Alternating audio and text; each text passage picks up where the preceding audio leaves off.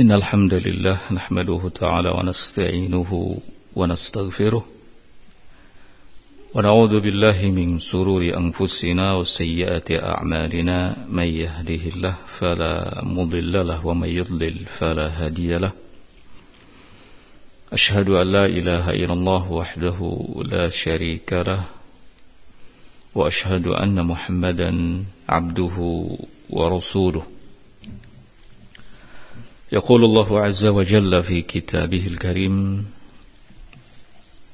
يا أيها الذين آمنوا اتقوا الله حق تقاته ولا تموتن إلا وأنتم مسلمون.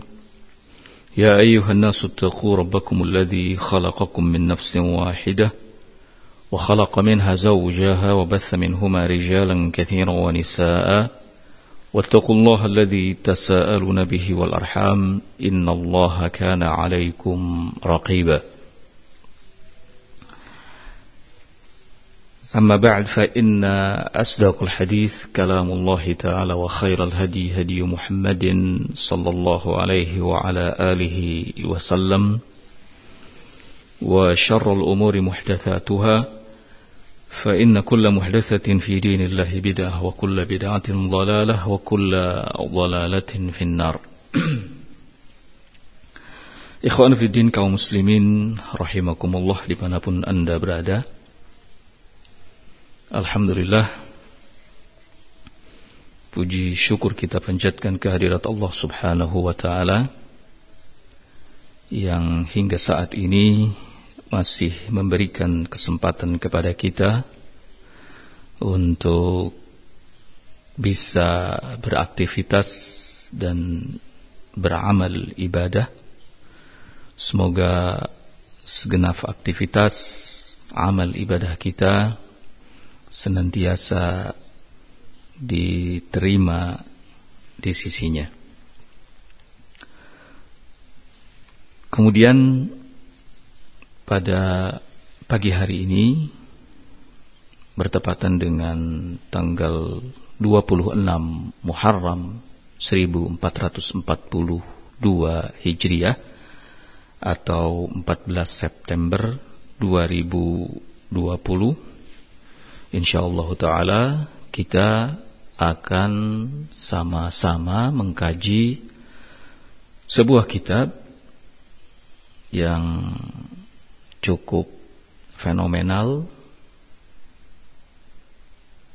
Kitab Bulughul Maram karya seorang alim terkemuka seorang alim yang sudah tidak asing lagi di dunia Islam Al-Hafidh Ibnu Hajar Al-Asqalani rahimahullahu taala.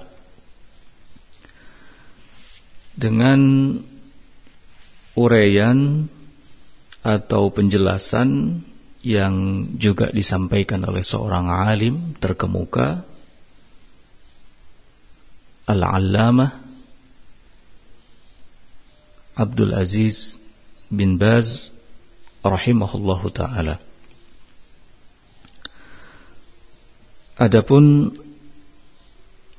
pembahasan yang akan kita ambil dari kajian kitab ini adalah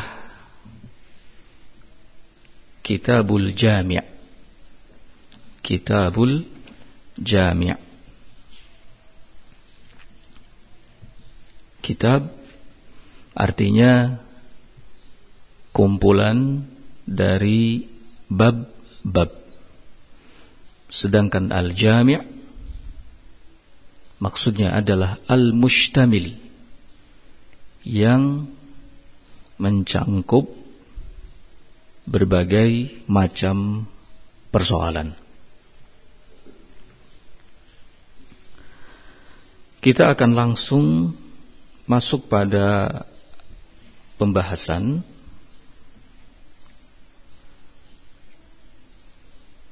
Al-Hafidh Ibnu Hajar Al-Asqalani rahimahullahu taala mengatakan Kitabul Jami' Babul Adabi Kitab Al-Jami' Bab tentang adab Ini adalah bab pertama yang disebutkan dalam pembahasan Kitabul Jami'. Ada beberapa hadis yang beliau rahimahullahu taala sebutkan di bawah bab ini. Kita akan baca hadis pertamanya. Terlebih dahulu qala rahimahullahu taala an Abi Hurairah radhiyallahu taala anhu qala Qala Rasulullah sallallahu alaihi wa ala alihi wasallam Diriwayatkan dari sahabat Abu Hurairah. Semoga Allah subhanahu wa ta'ala meridainya Beliau mengatakan bahwa Rasulullah sallallahu alaihi wa ala alihi wasallam telah bersabda Haqqul muslimi 'alal muslimi sittun Hak seorang muslim atas muslim lainnya ada enam. Idza laqitahu fasallim alaihi.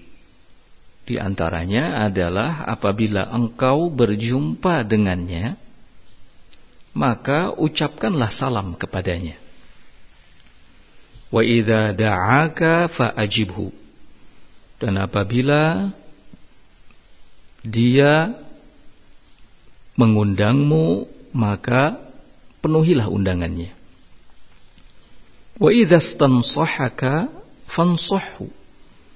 Lalu apabila dia memintamu untuk memberikan nasihat kepadanya, maka berikanlah nasihat itu kepadanya. Wa idza atasa fahamidallah fashammithu. Kemudian apabila dia bersin lalu mengucapkan alhamdulillah memuji Allah Subhanahu wa taala maka doakanlah dia. Wa idza maridha fa'udhu. Dan apabila dia sakit maka jenguklah dia. Wa idza mata fattabi'hu.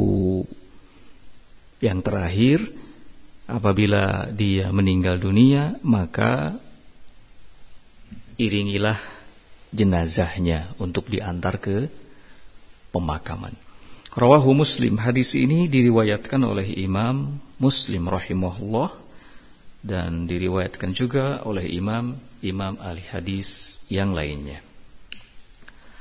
Hadirin kaum muslimin rahimakumullah di mana pun anda berada, uh, kita akan baca penjelasan yang disampaikan oleh Fadilatul Syekh Al-Allamah Abdul Aziz bin Baz rahimahullah taala. Beliau mengatakan Yaqulu al-muallif rahimahullah kitabul jami' Al-muallif dalam hal ini adalah Al-Hafidh Ibnu Hajar rahimahullah mengatakan kitabul jami' Tadi sudah kita uraikan apa yang dimaksud dengan kitab dan apa yang dimaksud dengan al-jami'. Lama dzakara fi ma taqaddam abwab al-ahkami min Al-ibadat wal Muamalat wa ma yaltahiqu bidzalika min Al-Awqaf wal wasaya wal Jihad wan nikahi wat talaqi wa ghairi dzalika khatama bihadal kitabil jami' ketika al-muallif al-hafidh Ibnu Hajar al-Asqalani rahimahullahu taala sebelumnya telah menyebutkan bab-bab tentang hukum yang berkaitan dengan ibadah dan muamalah serta hal-hal yang terkait dengannya seperti wakaf, wasiat, jihad, nikah, tentang talak, perceraian dan selainnya. Beliau al-muallif rahimahullahu taala menutupnya dengan pembahasan Kitabul Jami'.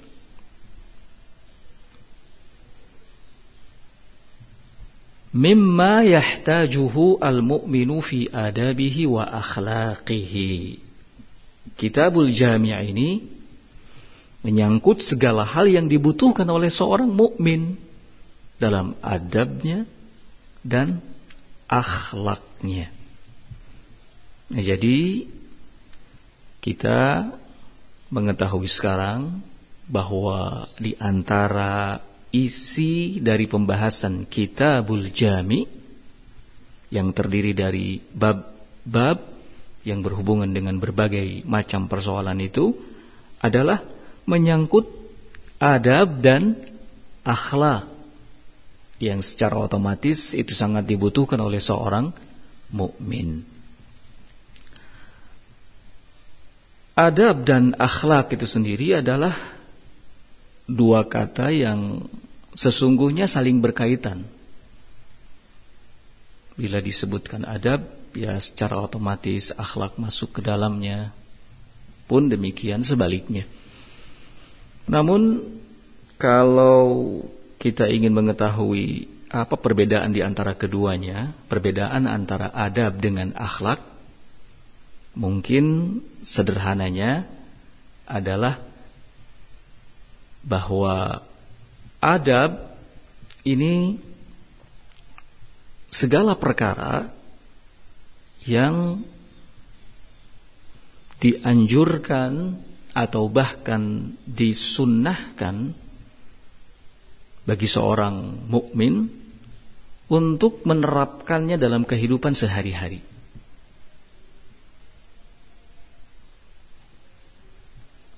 Baik dalam perkataannya maupun dalam perbuatannya.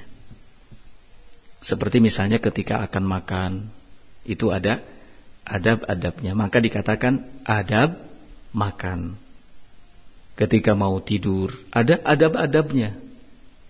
Sehingga dikatakan adab tidur.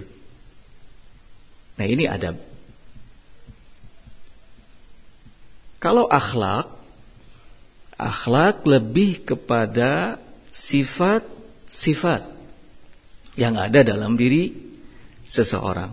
Misalnya seperti penyabar, pemalu, penyayang, lembut, dan seterusnya.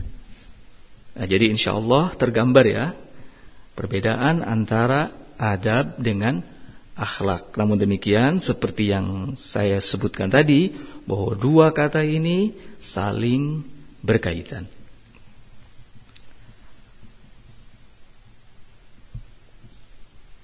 Kemudian Syekh Abdul Aziz bin Baz rahimahullah melanjutkan uraiannya wa ma yanbaghi lahu min hirsin ala makarimil akhlaq wa mahasinil a'mal.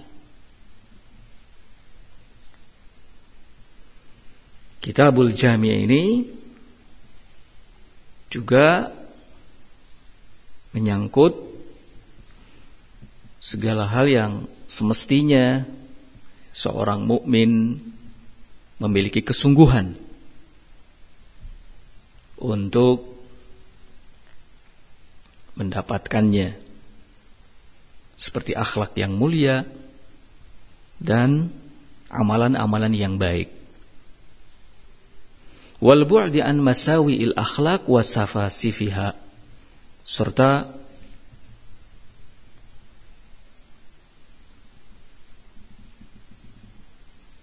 memiliki kesungguhan untuk menjauh dari akhlak-akhlak yang buruk dan yang rendahannya.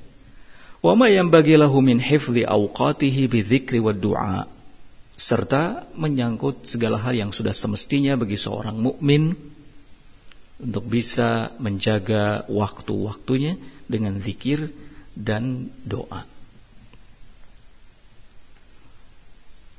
Itu uraian singkat beliau soal isi daripada pembahasan kitabul jami' Kemudian beliau mengatakan, "Waqad ahsana al-muallifu fi hadhil khatimah." Sungguh sangat baik sekali apa yang dilakukan oleh al-muallif Al-Hafidh Ibnu Hajar Al-Asqalani rahimahullahu taala dalam penutupan kitabnya ini karena Kitabul Jami' bisa dikatakan sebagai pembahasan penutup dari kitab Bulughul Maram. Nah, Al-Muallif rahimahullah menutupnya dengan Kitabul Jami'. Bab-bab yang meliputi berbagai macam persoalan yang dibutuhkan oleh seorang mukmin dalam adabnya, akhlaknya,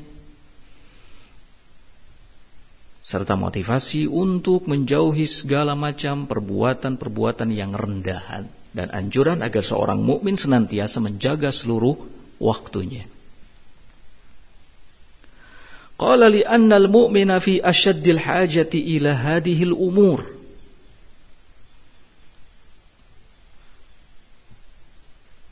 Karena seorang mukmin sangat butuh kepada perkara-perkara ini perkara-perkara yang menyangkut adab dan akhlaknya. Qala walihada bada'a bil adabi yakni al adab asy-syar'i. Oleh karena itulah maka al muallif rahimahullah setelah menyebutkan kitabul jami' beliau mulai dengan menyebutkan babul adabi, bab tentang adab. Maksudnya adalah adab syar'i alladhi yanbaghi an yatahalla bihil mu'minu fi aqwalihi wa a'malihi wa qiyamihi wa qu'udihi wa safarihi wa iqamatihi wa ghairi dhalika. Yang sudah sepantasnya seorang mukmin berhias dengannya. Dalam ucapannya dalam perbuatan-perbuatannya saat berdirinya saat duduknya, ketika safarnya dan ketika mukimnya dan selain itu.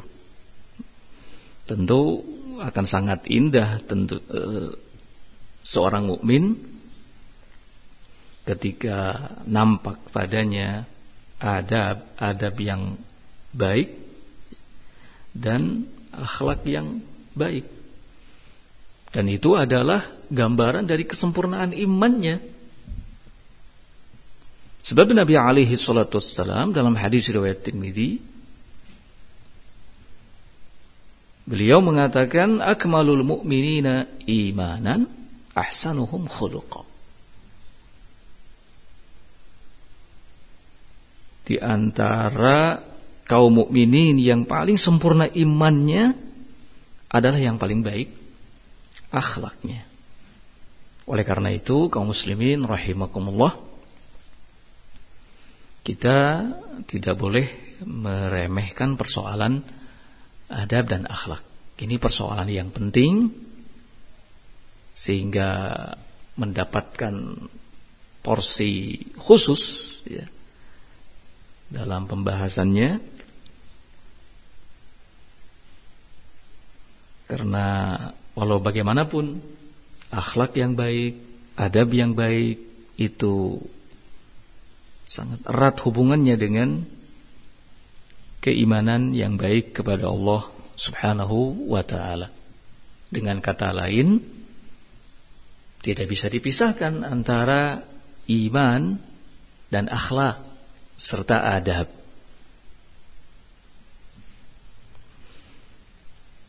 Berikutnya Qala wasyari'atul 'azimatul kamilatul islamiyatu ja'at bid-da'wati ila makarimil akhlaq wa mahasinil a'mal. Syariat Islam yang agung, yang sempurna telah datang mengajak kepada akhlak yang mulia dan amalan-amalan yang baik. والتحذير من سفاسف الأخلاق والسيء الأعمال في جميع الأحوال serta memperingatkan dari akhlak-akhlak yang rendahan dan amalan-amalan yang jelek dalam setiap keadaan. Fir rijali wan nisa wal jinni wal insi wal aghniya wal fuqara wal ru'asa wal mar'usin. Baik pada kaum laki-laki, maupun wanita, bangsa jin, manusia, orang-orang kaya, orang-orang fakir, pemimpin, ataupun rakyatnya. Kita ingat sama-sama sebuah hadis di mana Nabi alaihi salatu wasallam mengatakan bu'ithu liutammima makarimal akhlak. Aku diutus dalam rangka memperbaiki akhlak dan Allah Subhanahu wa taala memang telah memberikan rekomendasi atau pujian secara khusus pula kepada beliau sallallahu alaihi wa ala alihi wasallam sebagaimana termaktub dalam firman-Nya wa innaka la'ala khuluqin azim. Sesungguhnya engkau wahai Muhammad benar-benar ada di atas akhlak yang agung budi pekerti yang luhur.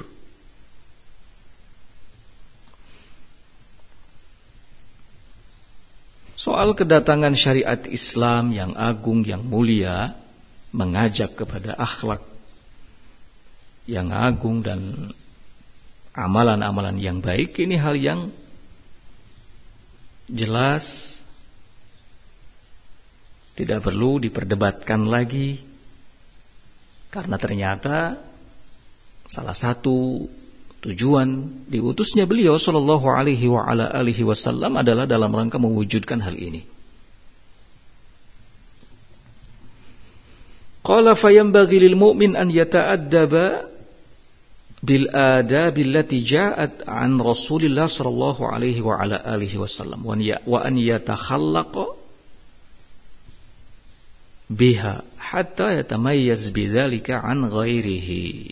Oleh karena itu, maka Seorang mukmin hendaknya beradab dengan adab-adab yang telah dicontohkan oleh Rasulullah Sallallahu Alaihi Wasallam dan berakhlak dengannya,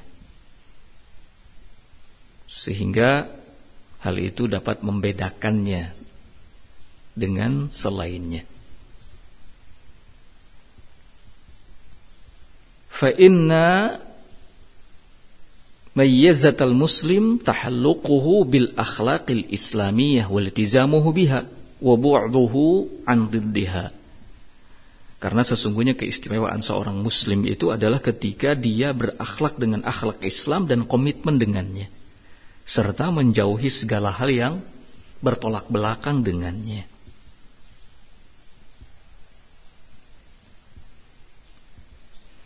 Akhlak dan adab itu adalah sesuatu yang paling pertama akan terlihat nampak dalam diri seseorang. Sehingga boleh dikatakan penilaian pertama yang akan kita dapat dari orang lain adalah dari akhlak dan adab kita. Ketika kita menampakkan adab dan akhlak yang baik, maka secara otomatis orang pun akan menilai kita sebagai orang yang baik tanpa memperdulikan kadang-kadang apa keyakinan, akidah dan bagaimana ibadah kita. Sehingga pandangan orang itu memang tertuju pertama kalinya kepada akhlak dan adab. Makanya sering terjadi kesalahan menilai ya, ada orang misalnya di tengah-tengah kita, masya Allah, akhlaknya baik, perilakunya baik, adabnya baik, dapat pujian di tengah-tengah masyarakat, mendapatkan pengakuan.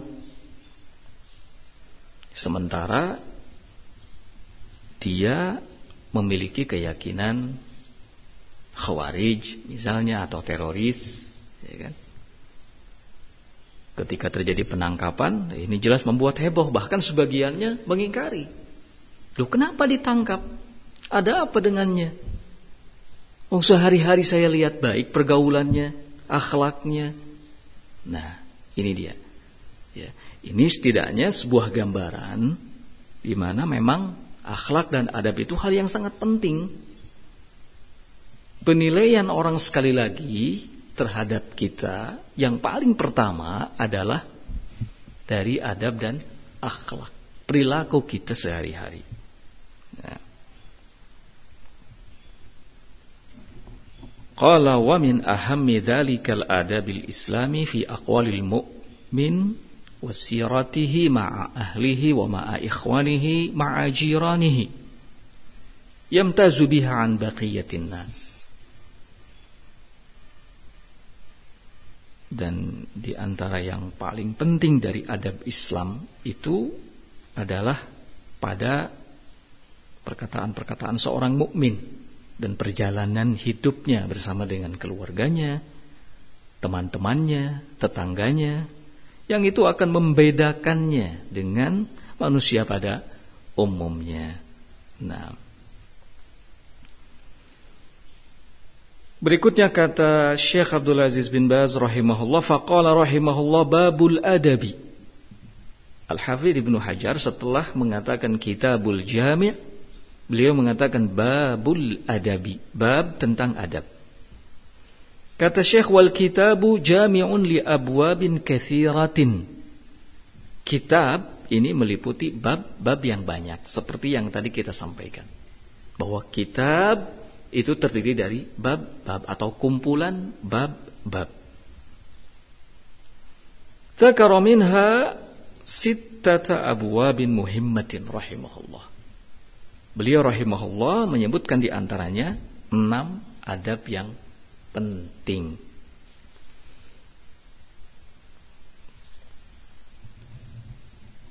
Awaluha yang pertamanya adalah babul adabi bab tentang adab. Insya Allah masih ingat dia apa yang dimaksud dengan adab. Tadi sudah kita sampaikan. Babul adab alladhi yanbaghi an yatahalla bihi al-muslim ta'assiyan bi nabiyhi alaihi salatu wassalam fi aqwalihi wa a'malihi wa siratihi ma'a nafsihi wa ma'a rabbihi wa ma'a ahlihi wa jiranihi wa ma'a sairin nas. Babul adab yang dimaksud adalah bab tentang adab yang memang sudah semestinya seorang muslim berhias dengan adab tersebut dalam rangka mengikuti nabinya Muhammad sallallahu alaihi wa ala alihi wasallam.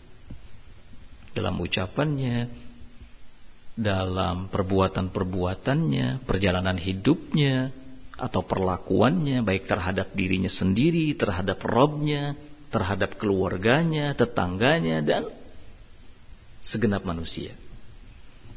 Maka hadis pertama yang disebutkan oleh Al-Hafidh Ibnu Hajar Al-Asqalani rahimahullah dalam hadis ini adalah hadis dari sahabat Abu Hurairah yang tadi juga kita baca. Dari Nabi alaihi salatu wassalam annahu qala haqqul muslimi 'alal muslimi sittun. Hak muslim atas muslim lainnya ada enam. Idza laqitahu fasallim alaihi wa idza da'aka fa'ajibhu wa idza istansahaka fansahhu wa idza 'atasa fahamidallah fashammithu wa idza marida fa'udhu wa idza mata fattabi'hu.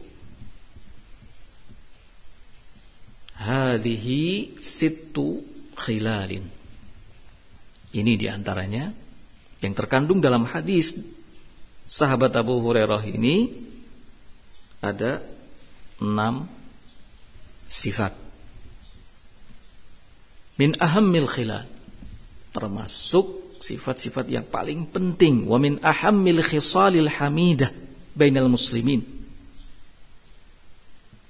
dan termasuk perangai yang paling penting perangai yang terpuji yang paling penting yang harus ada di tengah-tengah kaum muslimin.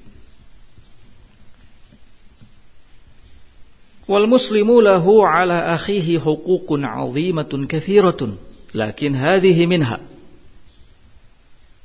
Bagi seorang muslim, ia memiliki hak-hak yang agung yang banyak atas saudaranya. Namun ini di antaranya. Di antara hak-hak tersebut adalah apa yang disebutkan dalam hadis tadi. 6. Wahadzal adadu la mafhumalah. Namun ingat jumlah 6 ini la mafhumalahu tidak memiliki pemahaman kebalikannya. Artinya jangan sampai dipahami bahwa selain yang enam itu tidak termasuk hak muslim atas muslim lainnya. Ini yang dimaksud dari kata la mafhumalah. Kama qala ahlul ilmi sebagaimana perkataan ahlul ilmi yaquluna al-adadu la hujjata fihi wa la yuqtasar alaihi.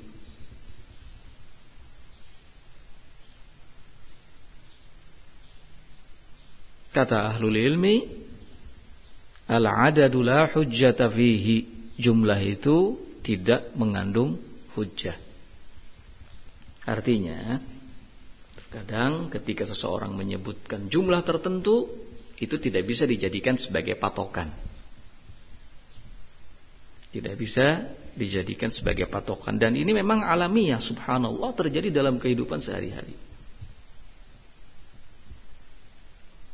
Misalnya ketika ditanya kamu punya bekal berapa? Sekian, itu belum tentu. Hanya itu yang dimilikinya. Iya.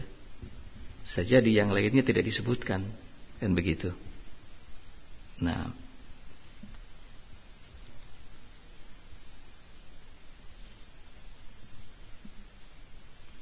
wala yuqtasar alaihi. Jumlah juga tidak boleh dibatasi ولهذا جاءت في النصوص حقوق أخرى كثيرة عند هذه الستة Oleh karena itu datang nas-nas yang lainnya yang menjelaskan tentang hak-hak seorang muslim yang lainnya yang sangat banyak anha ghair hadhihi sittah selain dari enam hak yang disebutkan dalam hadis ini. Wa yajma'uha qawluhu sallallahu alaihi wa ala alihi wasallam. Di antaranya tercangkup dalam sabda Nabi, la yu'minu ahadukum hatta yuhibba li akhihi ma yuhibbu li nafsi. Lihat di sini. Bagaimana Nabi alaihi salatu wasallam menyebutkan secara global. Salah seorang di antara kalian tidaklah dikatakan beriman hingga dia mencintai saudaranya sebagaimana dia mencintai dirinya sendiri. Wa qawluhu sallallahu alaihi wasallam juga sabda Nabi al-mu'minu lil mu'mini kal bunyani yashuddu ba'dahu ba'dha wa syabaka baina asabi'ihi. Seorang mukmin bagi mukmin lainnya ibarat sebuah bangunan yang saling menguatkan sebagiannya dengan sebagian yang lainnya. Lalu beliau menyemai atau menyela antar jari jemarinya. Wa qawluhu sallallahu alaihi wasallam wasalul mu'minina fi tawadihim wa tarahumihim wa ta'atufihim kamathalil jasadil wahid idza ishtaka minhu 'adwun atau 'udwun tada'a lahu sa'irul jasad bis sahri wal humma. Nabi juga mengatakan perumpamaan kaum mukminin dalam kecintaannya, dalam kasih sayangnya, dalam kelembutannya itu seperti satu tubuh. Apabila ada salah satu anggota tubuhnya yang mengeluh kesakitan, maka seluruh anggota tubuh lainnya merasakan terganggu tidurnya dan bahkan merasakan demam karenanya. Nah, Kemudian kata Syekh Abdul Aziz bin Baz wa fi ahadits katsiratun tadullu ala kathratil huquq. Dan dalam banyak hadis ada yang menunjukkan pada hak-hak yang begitu banyak. Wahadihi minha dan di antaranya adalah ini yang disebutkan dalam hadis yang sedang kita bahas. Yaitu idza laqitahu fasallim alaihi. Kata Nabi alaihi salatu wassalam apabila engkau berjumpa dengannya maka ucapkanlah salam kepadanya. Yakni ibda'hu bis salam hada afdal. Maksudnya adalah dahului. Dengan mengucapkan salam kepadanya ini afdal. Wa fil hadits sahih yaqulu sallallahu alaihi wasallam aulan nas billah man bada'ahum bis salam akhrajahu Abu Daud wa ghairuhu bi isnadin jayyid. Disahihkan oleh Syekh Al Albani rahimahullah. Dalam hadis yang sahih Nabi mengatakan orang yang paling utama di sisi Allah adalah yang paling pertama memulai mengucapkan salam kepada manusia. Hadis riwayat Abu Daud dan yang lainnya dengan sanad yang jayid. Qala al-maqsudu annal buda'ata bis-salam minal adab syar'iyyah. Jadi maksud dari apabila engkau berjumpa dengannya maka ucapkanlah salam kepadanya adalah bahwa memulai mengucapkan salam kepada seorang muslim atau kepada sesama muslim termasuk dari adab-adab syar'i. Wa hisalil muslim allati yanbaghi an yaf'alha ma'a ikhwanihi. Dan perangai seorang muslim yang sudah semestinya untuk diterapkan pada saudara-saudaranya. Wahal yajibu dzalika? Lalu kata Syekh apakah memang wajib secara hukum mengawali mengucapkan salam ketika berjumpa dengan seorang muslim ala aqwalin li ahli ilmi. Kalau soal hukum apakah hukumnya wajib atau tidak maka ada beberapa pendapat dari kalangan ahlul ilmi. Minhum man qala innahu yajib wa minhum man qala fardu kifayatin. Di antara mereka ada yang mengatakan wajib di antara mereka juga ada yang mengatakan fardu kifayah. Wa minhum man qala sunnah bahkan ada juga yang mengatakan sunnah. Wa huwa ala kulli halin sunnatun muakkadatun ay al-buda'ah. Yang pasti kata Syekh Mengawali mengucapkan salam dalam setiap keadaan adalah sunnah yang sangat ditekankan.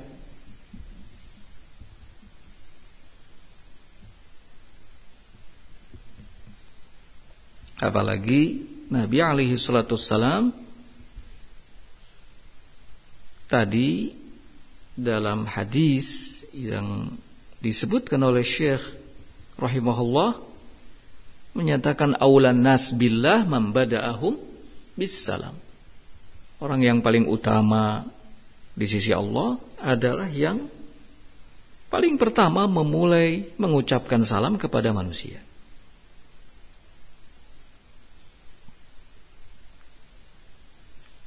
Jadi terlepas dari apakah hukumnya wajib atau fardu kifayah atau sunnah, namun yang pasti ini hal yang afdol. Bahkan Syekh bin Bas mengatakan sunnah yang sangat ditekankan. Amma raddu fala khilafa fi wujubihi. Lain halnya dengan menjawab salam.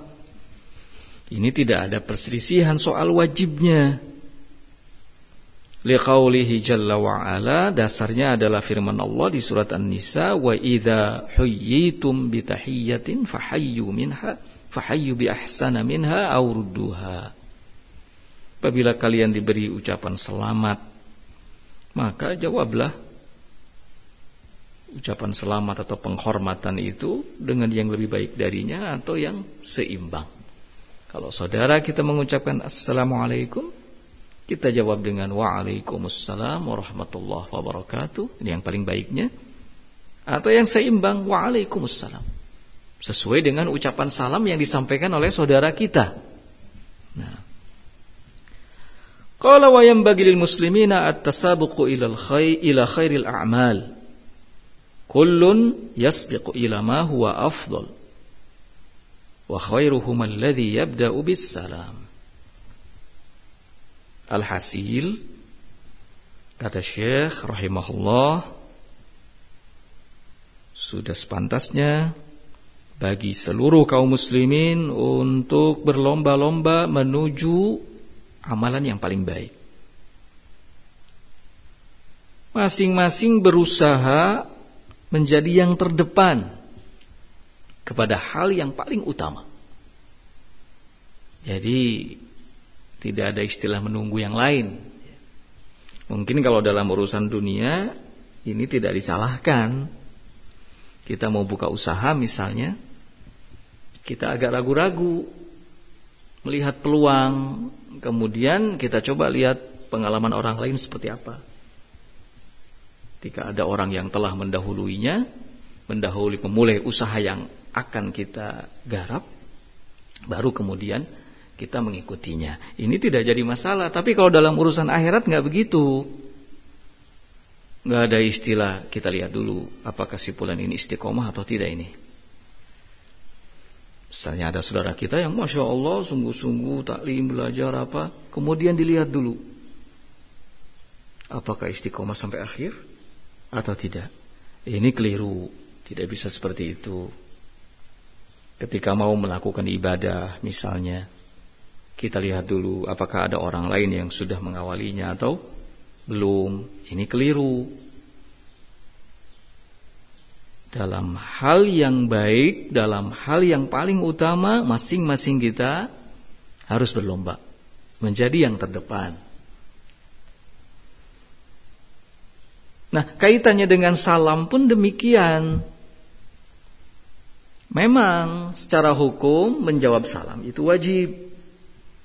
Mengucapkan salam sunnah muakkadah. Tapi bukan berarti kita tinggalkan yang sunnah muakkadah. Lalu kita lebih fokus kepada yang wajib. Wah, tunggu sajalah.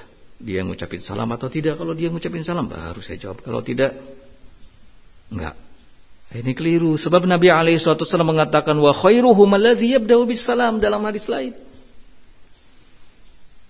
Seorang mukmin ketika berjumpa dengan saudaranya maka yang paling baik dari keduanya kata Nabi alladhi yabda'u bis salam yang memulai mengucapkan salam.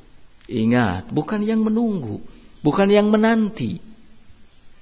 Tapi yang paling baik adalah yang memulai. Di sini ada motivasi, di sini ada isyarat agar kullun masing-masing dari kita berlomba untuk menjadi yang terdepan. Nah, Ikhwan kaum muslimin rahimakumullah di mana pun anda berada, nampaknya perjumpaan kita untuk pagi hari ini kita cukupkan sampai di sini. Semoga bermanfaat. Wallahu taala alam bisawab.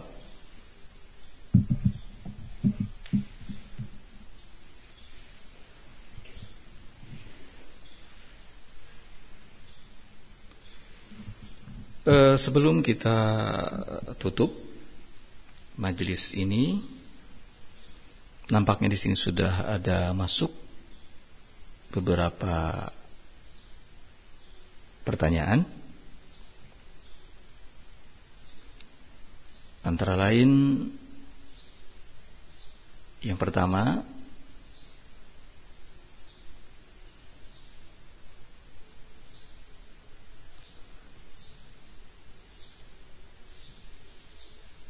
Bismillah, Ustadz bagaimana kiat istiqomah di masa pandemi di mana tidak ada majlis taklim? Nah, saya rasa ini dirasakan oleh semua ya betapa berat ketika kita jauh dari majlis taklim namun demikian eh, bukan waktunya untuk kita mengeluh. Ya. Kita harus berusaha menghadapi kondisi yang seperti ini dengan terus melakukan ibadah, berdoa kepada Allah, dan tetap melakukan hal-hal yang bermanfaat mungkin bisa kita buat jadwal secara rutin setiap hari di mana ada waktu kita mendengarkan taklim.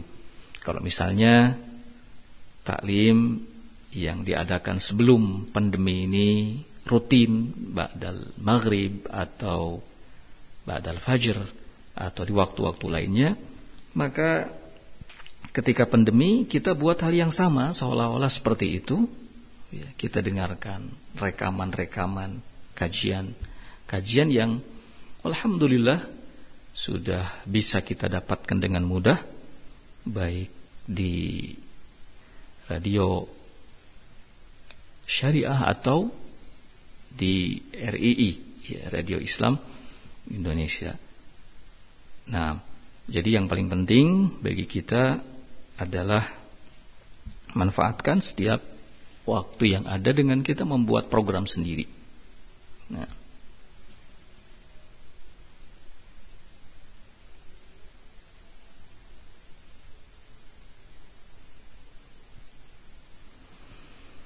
Assalamualaikum warahmatullahi wabarakatuh. Afan Ustadz mau bertanya, berdoa berdosakah seorang suami yang menolak permintaan istrinya untuk berhubungan dengan alasan capek?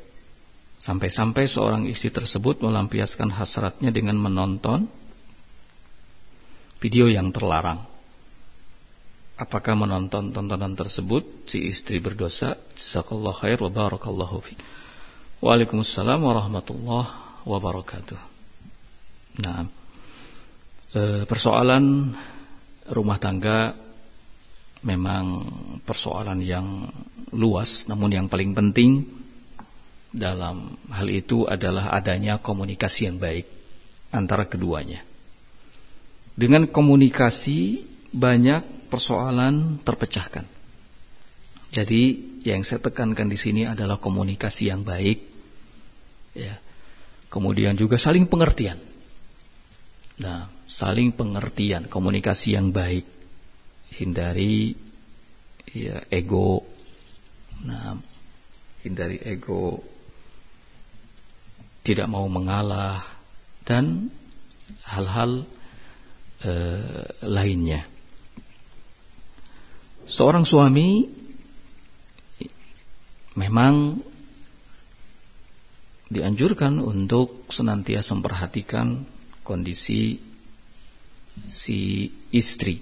Sebisa mungkin dia harus memenuhi kebutuhan kebutuhan istrinya baik yang bersifat lahir ataupun yang sifatnya batin.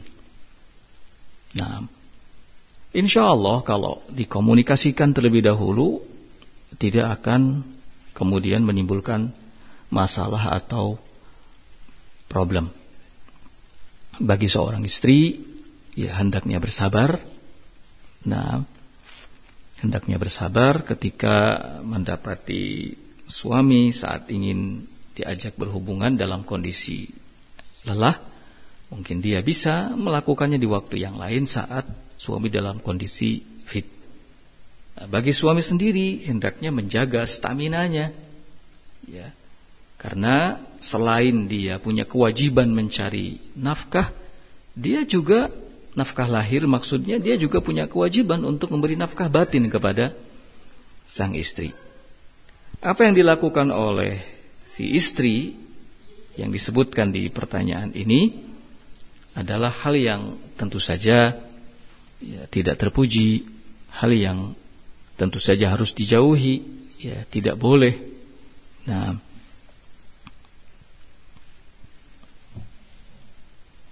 Karena ini melihat hal yang dilarang dalam agama. Hal yang diharamkan dalam agama.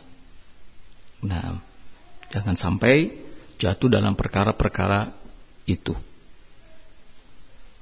Dan sekali lagi, ya, bagi istri coba komunikasikan hal itu kepada suaminya dengan baik. Wallahu taala alam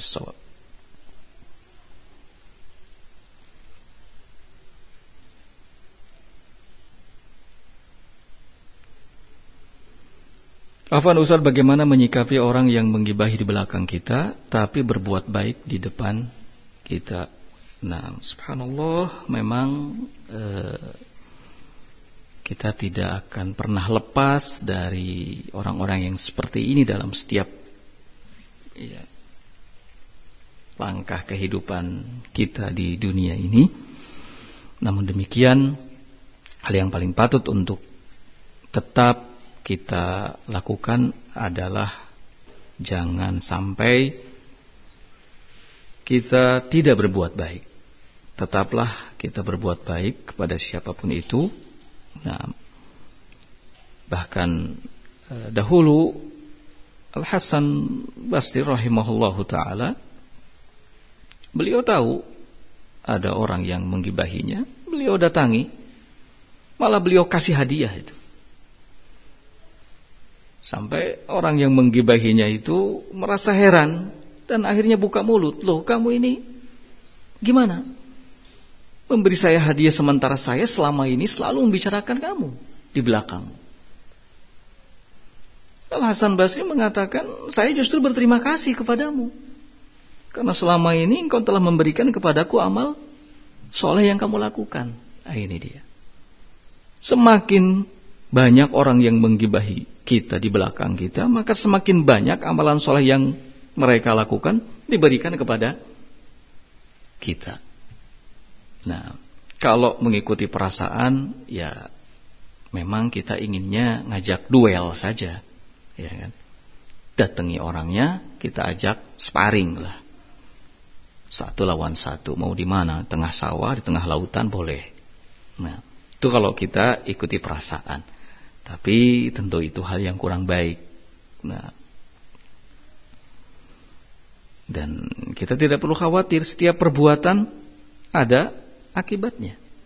Kalau seseorang melakukan hal yang baik, insya Allah akan mendapatkan akibat yang baik. Dan kalau melakukan hal yang buruk, akan mendapatkan akibat yang buruk. Tidak perlu khawatir. Dan Allah subhanahu wa ta'ala tidak tidur. Nah, Allah subhanahu wa ta'ala tidak tidur. Memang banyak tipe orang-orang yang bila di depan kita senyum-senyum di belakang aja bengan kalau kata orang Sunda. Ya. Di depan kita Masya Allah khair baik. Di belakang menjelek-jelekan. Mencela. Biarkan mereka. Mereka akan mendapatkan akibatnya. Nah.